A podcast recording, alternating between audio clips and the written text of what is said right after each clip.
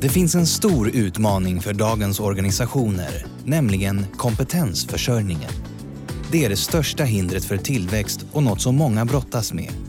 På vilket sätt kan vi rekrytera idag för att säkra våra framtida kompetensbehov? Hur ska vi veta vad vi behöver för kompetenser när det hela tiden kommer nya? Hur kan vi utveckla kulturen och medarbetare för att hålla jämna steg med omvärlden? Hur ska vi attrahera talanger när det inte längre räcker med generös kompensation? Och hur vill vi jobba i framtiden? Och hur kan vi organisera arbetet på bästa vis? Brukar du också fundera på detta? Eller känner du att du borde ägna mer tid åt dessa frågor? I så fall har du kommit rätt. För det här är podden om framtidens professionella liv.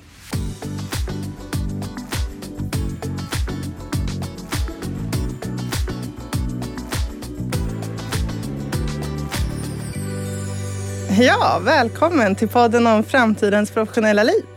När vi sitter här nu så kommer vi ur en omtumlande period där vi alla har chippat in lite extra för att få allt att fungera. Det kan såklart ha inneburit vissa påfrestningar och jag tror att det är dags att ta ett steg tillbaka och fundera på hur vi vill utforma arbetslivet framöver. Förhoppningsvis kommer det att utgå lite mer från våra mänskliga behov och förutsättningar. Vi som ska prata om det här idag är jag, Karin Etzell, och med mig har jag en av våra expertkonsulter på just det här med hjärnsmart ledarskap. Malin Nyman, välkommen! Tack så mycket Karin. Väldigt roligt att vara här. Kul att du är här. Malin, jag vet att du kan allt om att leda hjärnsmart. Och du ska strax få prata massor om det. Men först vill jag fråga, vad är inte hjärnsmart ledarskap? Vad skulle du liksom säga är motsatsen till hjärnsmart ledarskap? Den frågan har jag faktiskt aldrig fått förut. eh, och eh, jag är inte säker på vad det är. Men det som kommer till mig först, det är att det är nog ett, att tänka att jag har ett rationellt och logiskt ledarskap. Ah. Vad, vad är typiskt för ett rationellt och logiskt eh, ledarskap eller tankar kring det? Ja, det kan ju låta motsägelsefullt. Men det jag menar med det är att tro att allting handlar om logik och vad som är rationellt.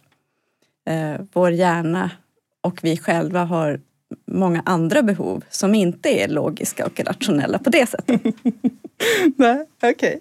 Ja, vi kommer säkert komma in lite mer på det. Men jag tycker liksom att jag hör mycket prat om det här med hjärnsmart eh, ledarskap, att man ska utgå från liksom hjärnan och sådär. Varför pratar alla om det här just nu? Jag vet inte om alla pratar om det just nu, men många gör det.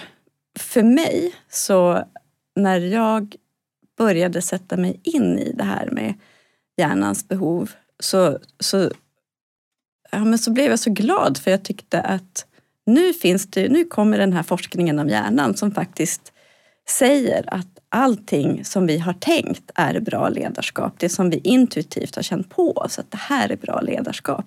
Ja, nu visar också forskningen kring hjärnan att, att det stämmer. Mm. Så en bekräftelse på att det, det, det är bra att vara snäll. att det är bra att vara schysst. Mm. Att det är bra att vara ärlig. Mm. Att det är bra att visa att jag bryr mig. Mm. Så du menar att forskningen har kommit ikapp lite grann? Att vi, får, eh, att vi kan visa på uh, i forskningsresultat att, att, uh, att det här fungerar på riktigt och ja. varför det fungerar? Ja. ja. Och då blir det på riktigt? Då blir det på riktigt. Då är det inte bara fluffigt? Och... Då är det inte bara fluffigt. När man kan räkna på det, logiskt och rationellt, eller hur var det? Mm. Ja, men då, då, då, kan vi med hjälp av forskningen så kan vi säga att kolla, det är logiskt och rationellt att göra så här. Ja, just det. Ja, men då har vi slutit cirkeln. Snyggt där! Vad bra. Ja. Eh, vi, vi kommer ju här nu ur en, eh, en pandemi och Sverige har öppnat upp. När vi sitter här och spelar in det här så, så står vi liksom inför det här nya normala. Då. Eh, och, och vi kommer från en period med väldigt hög utvecklings och förändringstakt.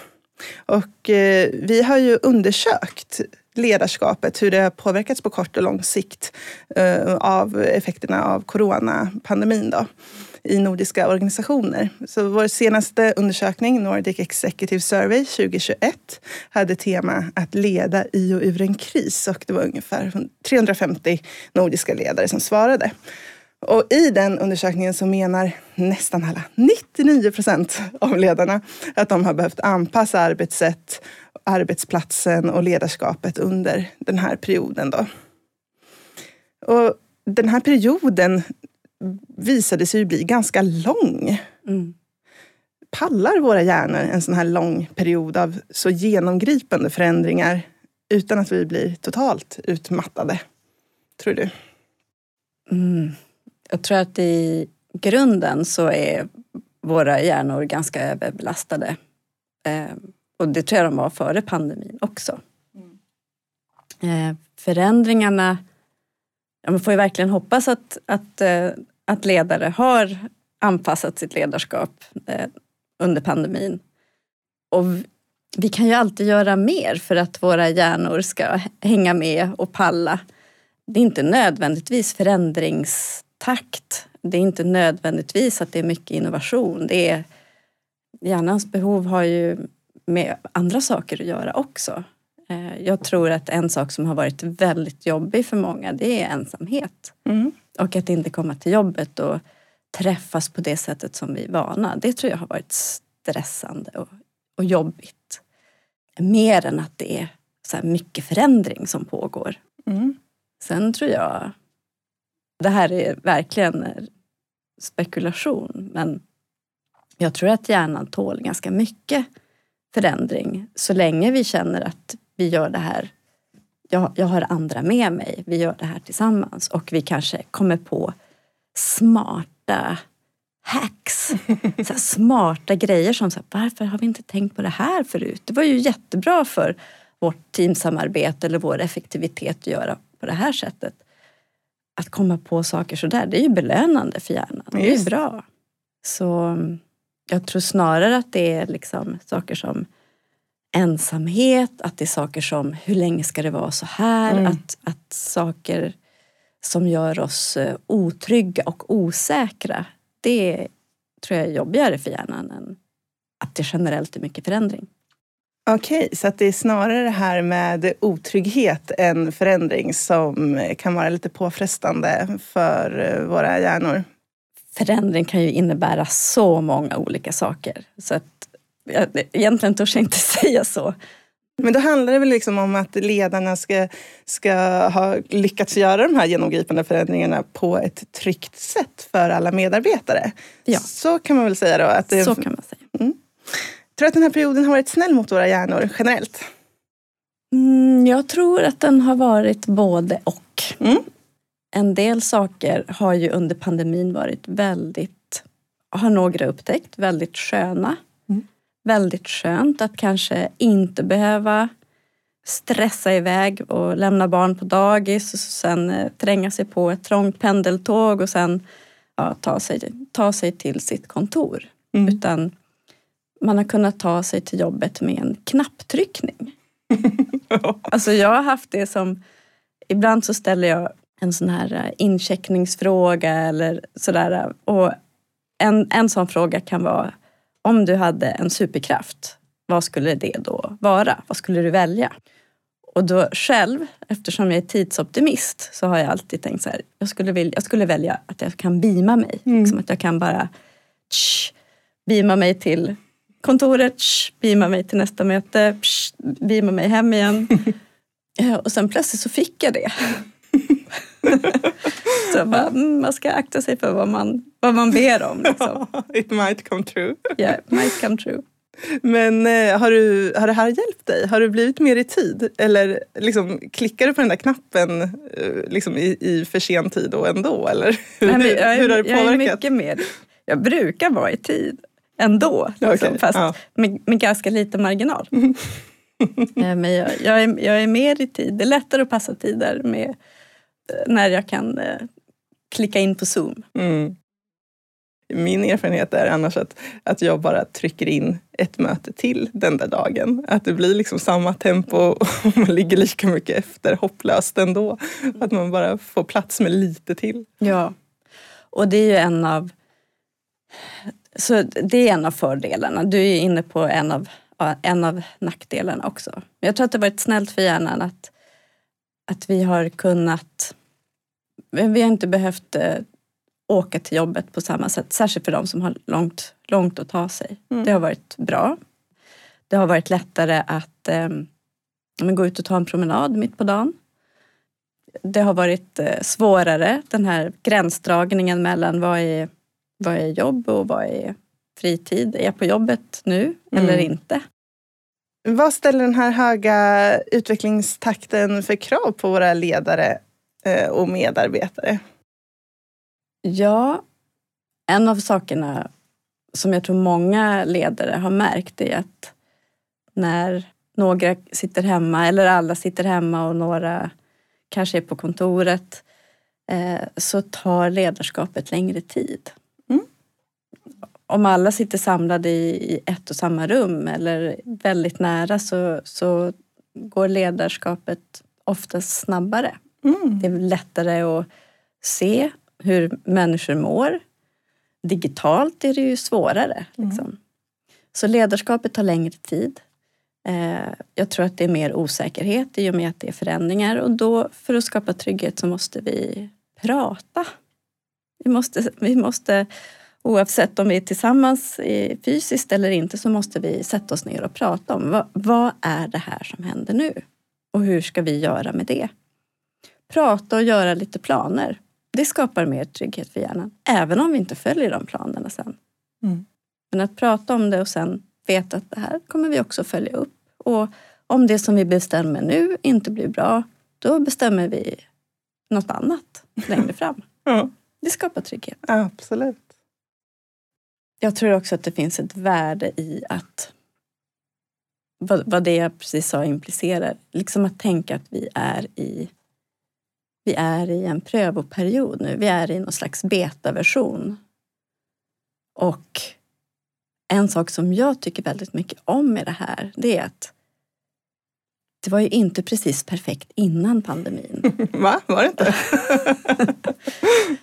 det var inte perfekt innan. Eh, när ja, men alla i princip förutsattes komma in till kontoret och ses. Eh, och om man, någon skulle vilja jobba hemma så, så sågs det som något så här, ja men kommer du verkligen att jobba då? Eh, på riktigt? Mm. Eh, och det har inte precis varit perfekt under pandemin heller. När alla som inte har varit tvungna att åka in till jobbet har jobbat hemifrån.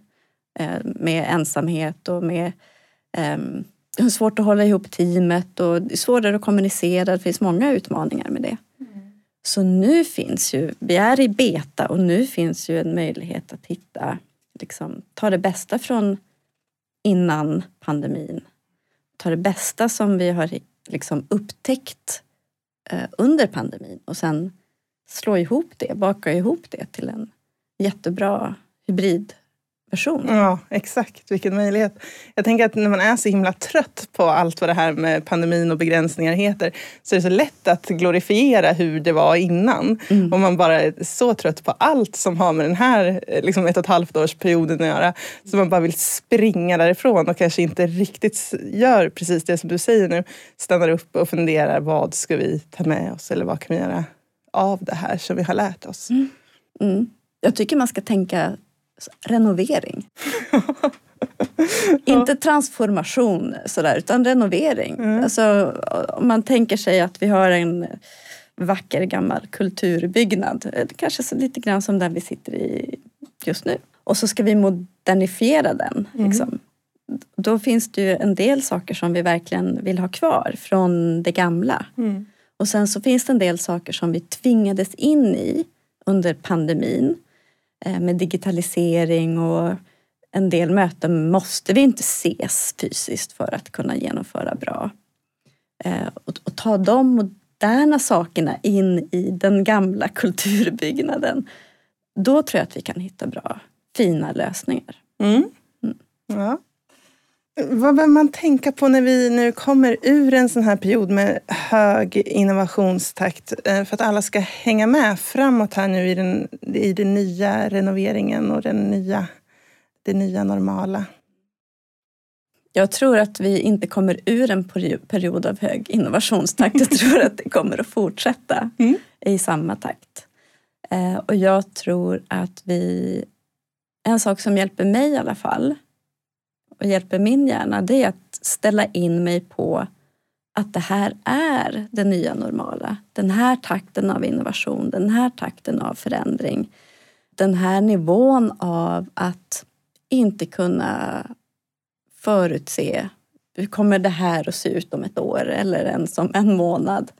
Alltså att eh, vänja sig vid en högre nivå av osäkerhet. Men är inte det utmattande för våra hjärnor att, accept, liksom att vara i ett tillstånd av osäkerhet och ovisshet?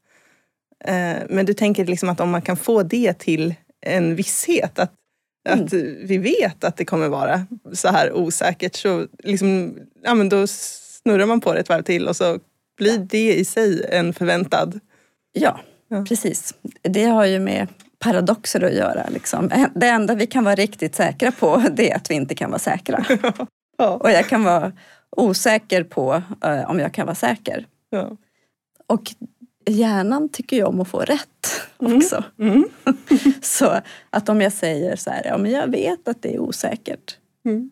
Och sen så blir det osäkert. Då kommer en liten del av min hjärna säga, japp, vad var det vi sa? Ja, exakt. Så det skapar en viss tillfredsställelse också. Mm. Och vad är, vad är alternativet då? Alternativet är att jag tänker oj, oj, oj. Ingenting är säkert och jag vet inte hur det blir. Och nu måste jag, jag måste få lite säkerhet här kring, kring eh, att kunna förutse vad som kommer att hända och så går inte det. Mm. blir jag ju bara besviken. Just det. Mm. Men finns det några speciella risker med den här osäkerheten och den här förändringstakten som man som ledare bör vara uppmärksam på då, kopplat till det här med hjärnsmart ledarskap? Om man nu vill ha ett mm. hjärnsmart ledarskap menar jag. Mm. Ja, men jag tror, man, jag tror att man vill ha ett hjärnsmart ledarskap. Och om man börjar med att bara titta på så vad, vad innebär det då? Med hjärnsmart ledarskap? Ja, men det är ju att eh, fokusera på eh, tillsammans. Att skapa en, en samhörighet och göra så att vi känner oss inkluderade. Eh, vi behöver inte vara bästa vänner, vi behöver inte umgås utanför jobbet. Men, men i det vi gör, att vi, vi ser till att alla, alla är med och, och känner sig välkomna. Mm. Eh, att skapa så mycket tydlighet som möjligt. Eh, saker är osäkra men en del saker kan vi faktiskt vara säkra på. Och det vi kan vara säkra på, det, det ska vi prata om. Hur ska, vi, hur ska vi jobba tillsammans? Vad ska vi ha för spelregler när vi kommunicerar? Vilka värderingar jobbar vi efter? Ehm, vilka mål ska vi uppnå tillsammans? Sen kan det där förändras allt, allt eftersom därför att vi måste, därför att världen har förändrats eller verksamheten har förändrats. Men då pratar vi om det igen. Så det vi kan skapa tydlighet kring att vi gör det. Mm. Det är mm. viktigt. Ja, sen finns det ju no några, några delar till som, som är väldigt viktiga och att tänka på det här med behovet av autonomi. Mm. Vi människor tycker inte om när andra talar om för oss vad vi ska göra. eh, I regel. Vi vill ha så mycket självbestämmande som möjligt. Och eh, jag läste på LinkedIn här för inte så länge sedan. Jag kommer inte ihåg vem det var som sa så men jag tyckte att det var bra och lite provocerande. Så här, vill du att dina medarbetare ska sluta? Tvinga då tillbaka dem till kontoret fem dagar i veckan. Receptet på att få... ja, och, så här, och då är så här, okej, okay, är receptet på då att skapa motsatsen, att alla ska stanna i det att säga ni kan vara hemma hur mycket ni vill och hur länge ni vill. Eh, fem dagar i veckan. Ni behöver aldrig komma tillbaka hit. Det tror jag inte heller. Men att tillsammans prata om hur ska vi lägga upp våra arbetsveckor? Hur ska vi få det här att fungera? Givet vad vi har för typ av verksamhet. Så eh, risker, det är ju att tänka eh, här behövs det tydlighet och då har vi den här policyn och så ska alla göra. One size fits all. Det är rättvist, det blir tydligt och det blir bra. Det tänker jag är en risk. Ja, och då tänker jag också på någon sån här bild som man ser på LinkedIn lite då och då, florera. Det där med liksom, ja men upp med en hand alla som gillar förändring. Så här, ah, alla.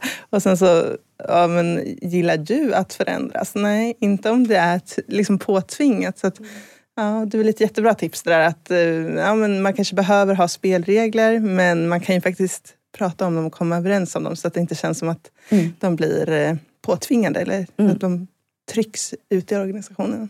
Ja, spelregler som jag har fått vara med och sätta upp själv. Mm. De, de är jag ju mycket mer intresserad av att följa och upprätthålla. Spelregler, förväntningar, mål. Skapa tydlighet så mycket som möjligt kring dem och gärna tillsammans. Mm. Vi pratar lite om risker här men finns det också några fördelar med den här eh, höga osäkerheten som har varit den här perioden och den här snabba utvecklingstakten?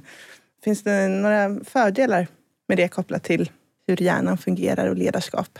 Ja, alltså en stor fördel tycker jag det är att på något sätt så är det som att i och med pandemin så var det någon som bara rensade bordet. Eller så här, äh, men nu, börjar vi, nu börjar vi på en helt ny sida. Mm. Så mycket av det gamla har egentligen bara eh, skjutsats eh, bort. Och kvar sitter vi med så här, okej okay, men hur vill vi göra då? Och det ger oss ju möjlighet att, ja men, till den här renoveringen som jag pratade om. Exakt. Nu kan vi skapa, nu kan vi göra något som är ännu bättre. Inte kasta ut allt det gamla men så här, vad vill vi behålla? Och vad var det för saker, vad var det för typ av möten som vi hade innan pandemin som vi tvingades sluta med när alla jobbade hemifrån och som vi kände så här, eh, det gjorde ingenting.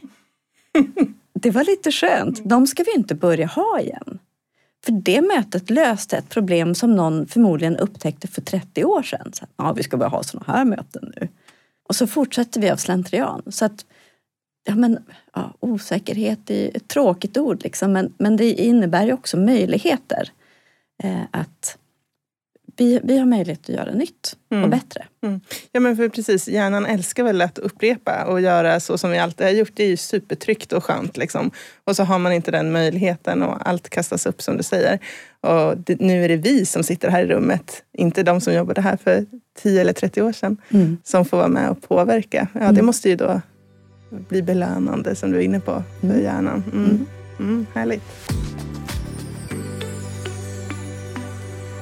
Det finns ju mer spännande resultat att gräva lite i och resonera kring eh, från eh, vår senaste undersökning.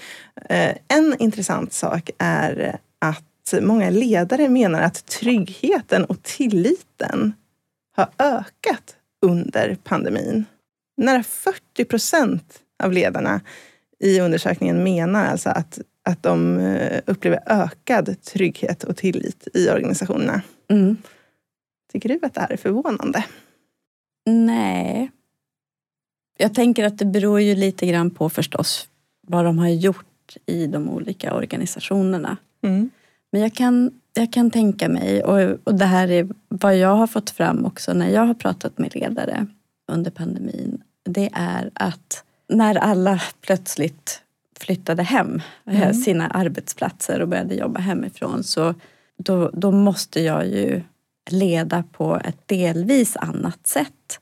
Eh, vi måste mötas på ett annat sätt, vi måste kommunicera på ett annat sätt än vad vi är vana vid. En av sakerna som det har lett till det är att då måste vi också prata lite grann om hur vi ska göra de här sakerna.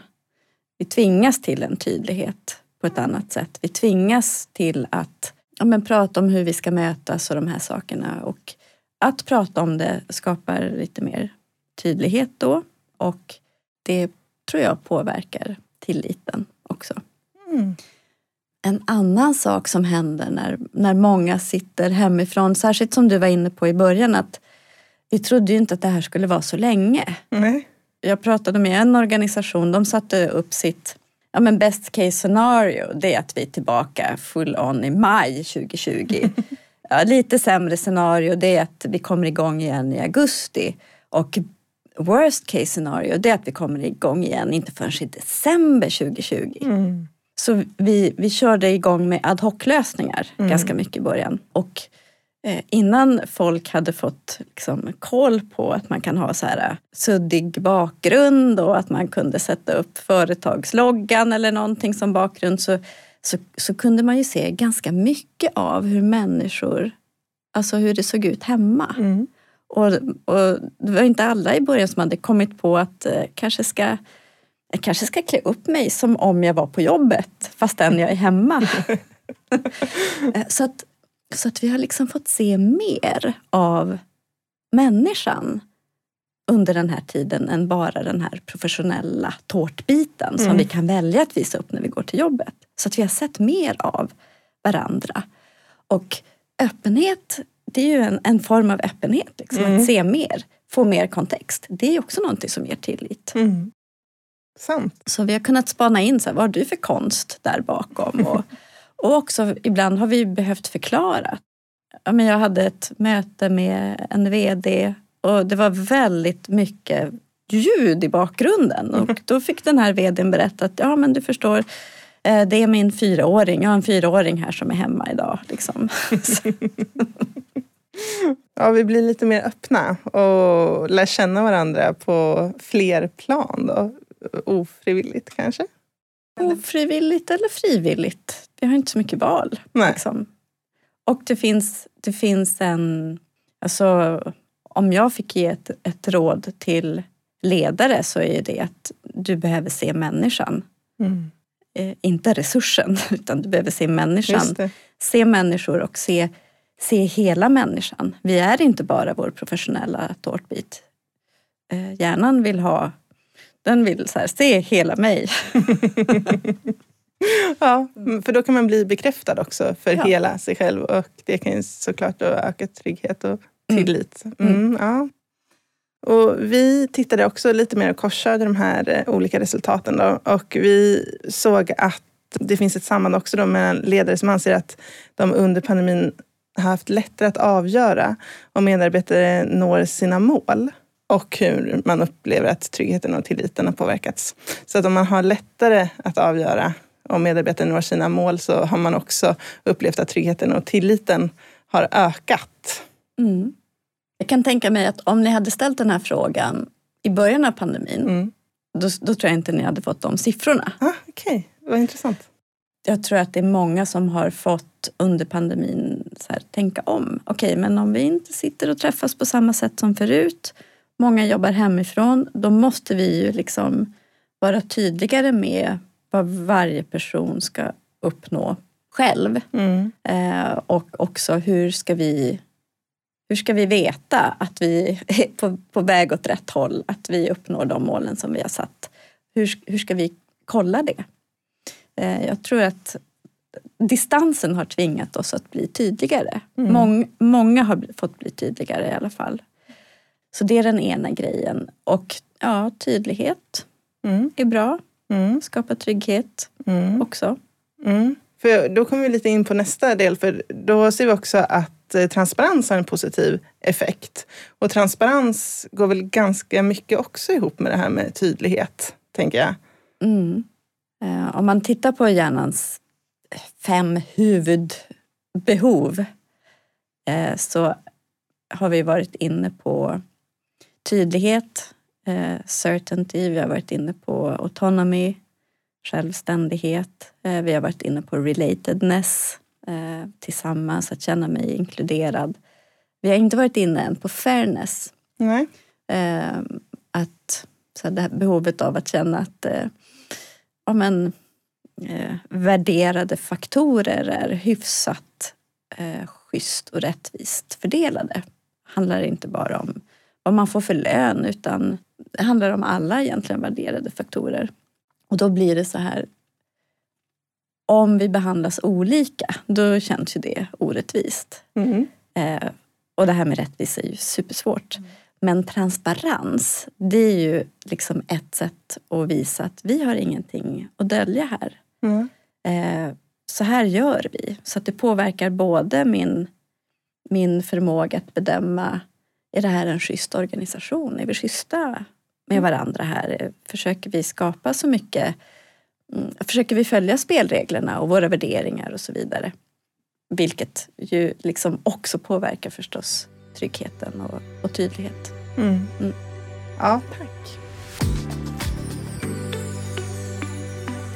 Jag tänkte också att vi ska prata lite om vad det här har inneburit för ledarna. Det är många också som upplever att de har varit mer stressade den här perioden än vad man har varit tidigare. Då.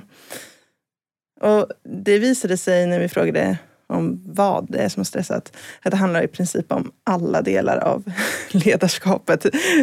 de tog upp allt ifrån att det är eh, minskat antal medarbetare men med samma förväntningar på leverans fortfarande. Att Eh, de här digitala mötena minskar ställtid och tid för reflektion då uteblir som man kanske annars får på väg till och från möten. Och att det är svårt att läsa av kollegor när man bara ses digitalt. Att det krävs mer för att hålla teamet delaktiga och informerade på distans. Att eh, man ser minskade intäkter. Att man hela tiden behöver ta fram nya rutiner och arbetssätt samtidigt som man ska leverera på samma nivå som tidigare. Att man jobbar dygnets alla timmar, att det liksom inte finns några gränser mellan arbete och fritid. Och sen så var det någon som beskrev ledarskap genom ett nyckelhål. Mm. att Teams är det här nyckelhålet då. Mm. Och att man måste vara en stark förebild hela tiden. Man ska liksom hela tiden vara positiv och stark och liksom utstråla den här tryggheten. Mm. Eh, och även om man själv känner sig osäker så ska man ha den här glädjen och sådär. Vad tror du, vilka delar av det här tror du skapar mest negativ stress för ledare? Jag vet inte. Nej. Jag vet inte. Eh, men eh, nyckelhål tycker jag är en väldigt bra beskrivning. Eller hur? Den jag, fastnar. Ja, den fastnar. Och jag, jag har en egen metafor och det är att det är som, eh, vad heter det? Um, strutfotboll heter det helt enkelt. ja, om man, så här, vanligt ledarskap, alla är på kontoret, det är som att spela vanlig fotboll. Ja, ja ledarskap på distans mm. via Teams mm. eller Zoom eller vad man nu har använt för plattform. Det är som att spela strutfotboll. Mm. Och alla som har spelat strutfotboll eller sett på någon som spelar strutfotboll vet att du kan ha fotbollen liksom precis under fötterna, precis framför dig. Men du vet inte om det. Du står där som ett fån liksom och har någonting väldigt viktigt i närheten. Men men du ser det inte. Och, och, och skämt åsido, vad det talar om, även nyckelhålet, det är ju att du ser inte kontexten. Nej. Det är så många signaler som, vi, som vår hjärna är inriktad på att snappa upp eh, kring kommunikation som vi helt enkelt missar mm. när vi kommunicerar via skärm. Mm. Det är nästan bättre då att på många sätt är det lättare att kommunicera via telefon för där kan vi i alla fall höra ljuden bättre och eh, det är inte som det är på, på videolänkarna att det är bara ett ljud som kan höras samtidigt. I telefon så kan faktiskt flera ljud höras samtidigt så att jag kan umma till exempel när du pratar utan att, eh, ja, men utan att kommunikationen störs som det lätt blir på videolänk. Mm. Men det finns så många saker kring det där som har eh, som har påverkat oss. Mm. Det är också det här att många tänker att eh, distansledarskap, det är ju något annat mm. än vanligt ledarskap. Och egentligen så är den enda skillnaden, du ska, du ska fortfarande göra alla saker. Du ska fortfarande tillhandahålla ledarskap. Det är bara det att du ska göra det genom ett nyckelhål. Mm. Då. Mm. Så det är naturligtvis så att det tar mycket längre tid. Mm. Ja, och det här kanske också har gjort, eh, fört med sig andra utmaningar. Vi ser till exempel här att, att eh, många tycker att den största utmaningen eh, har varit att eh, veta hur medarbetare har mått under den här perioden. Och hur man egentligen har haft det där på sina hemkontor. Även om man kanske har sett lite mer av människan då, som vi var inne på mm. tidigare, en större mm. tårtbit. Men eh, det är ändå svårt att veta hur de mår. Hela 75 procent av ledarna anser att det har blivit svårare. Ja. Vad tror du det kan få för betydelse i förlängningen? Ja, det är naturligt att det är svårare att läsa av, tänker jag. Eh, och eh, jag tycker, ja, men jag blir lite varm om hjärtat också när jag tänker när jag förstår att det är så många som förstår att det är viktigt. Mm. Jag vill veta hur, hur hur de som är i mitt team mår, hur det är med alla. Mm. Det är en jätteviktig del av ledarskapet. Mm. Eh, kan vi inte läsa av det därför att vi inte ses i samma rum, då måste jag hitta ett annat sätt. Och hur ska man lösa det, då? Nu, för jag tänker vi går in här i ett hybridarbetsliv. Det kanske inte kommer se ut som det gjorde innan, har vi varit inne på. Mm. Eh, har du några tips där? Fråga. Smart. Clever. Ja, men alltså, vi, så här, jag kan inte läsa av längre. Nej, det kan du inte. Men, men fråga. Ja. Och, då, och då måste man fråga. Så jag tror man måste prata om det. Och liksom så här, bara lägga, lägga det på bordet och säga att vi kan ju inte läsa av varandra på samma sätt Mm. när vi inte träffas i samma rum. För mig är det jätteviktigt att veta hur alla mår. Mm. Eh, Så när jag frågar dig hur mår du så, så, är inte, så förväntar jag mig inte att du ska säga bra och sen ska vi börja mötet och prata om jobbet. Nej. Utan alltså jag, jag jag vill verkligen veta. Jag, har, jag, jag ser dig genom bara den här lilla, jag vill veta hur du mår. Mm. Så det här måste vi göra tillsammans. Är det ett gemensamt ansvar till och med? Ligger det både hos medarbetare och ledare? Jag tänker om det nu är 75 procent av ledarna som har svårt med det här. Mm. Kan man lägga någon del av det också på medarbetarna? Att det är en tvåvägsansvar? Ja, man, måste, man måste ju hjälpas åt. Mm. Man måste hjälpas åt. Jag, jag tänker att eh, ledaren kan ta ansvar för att säga att eh, jag vill veta hur alla mår. Eh, och sen måste man hitta något, vilken kanal ska man ta upp det här? Jag kanske inte vill ta det på måndagsmötet med, med 15 andra personer. Så här, Hej, jag mår dåligt. Nej. Men eh, några, det finns, det finns ju några verktyg, några enkla verktyg som man kan använda för att få en liten heads up i alla fall. Och det är till exempel att använda incheckningar. Mm. Ehm, ibland så kan man ta lite djupare incheckningar. Mm.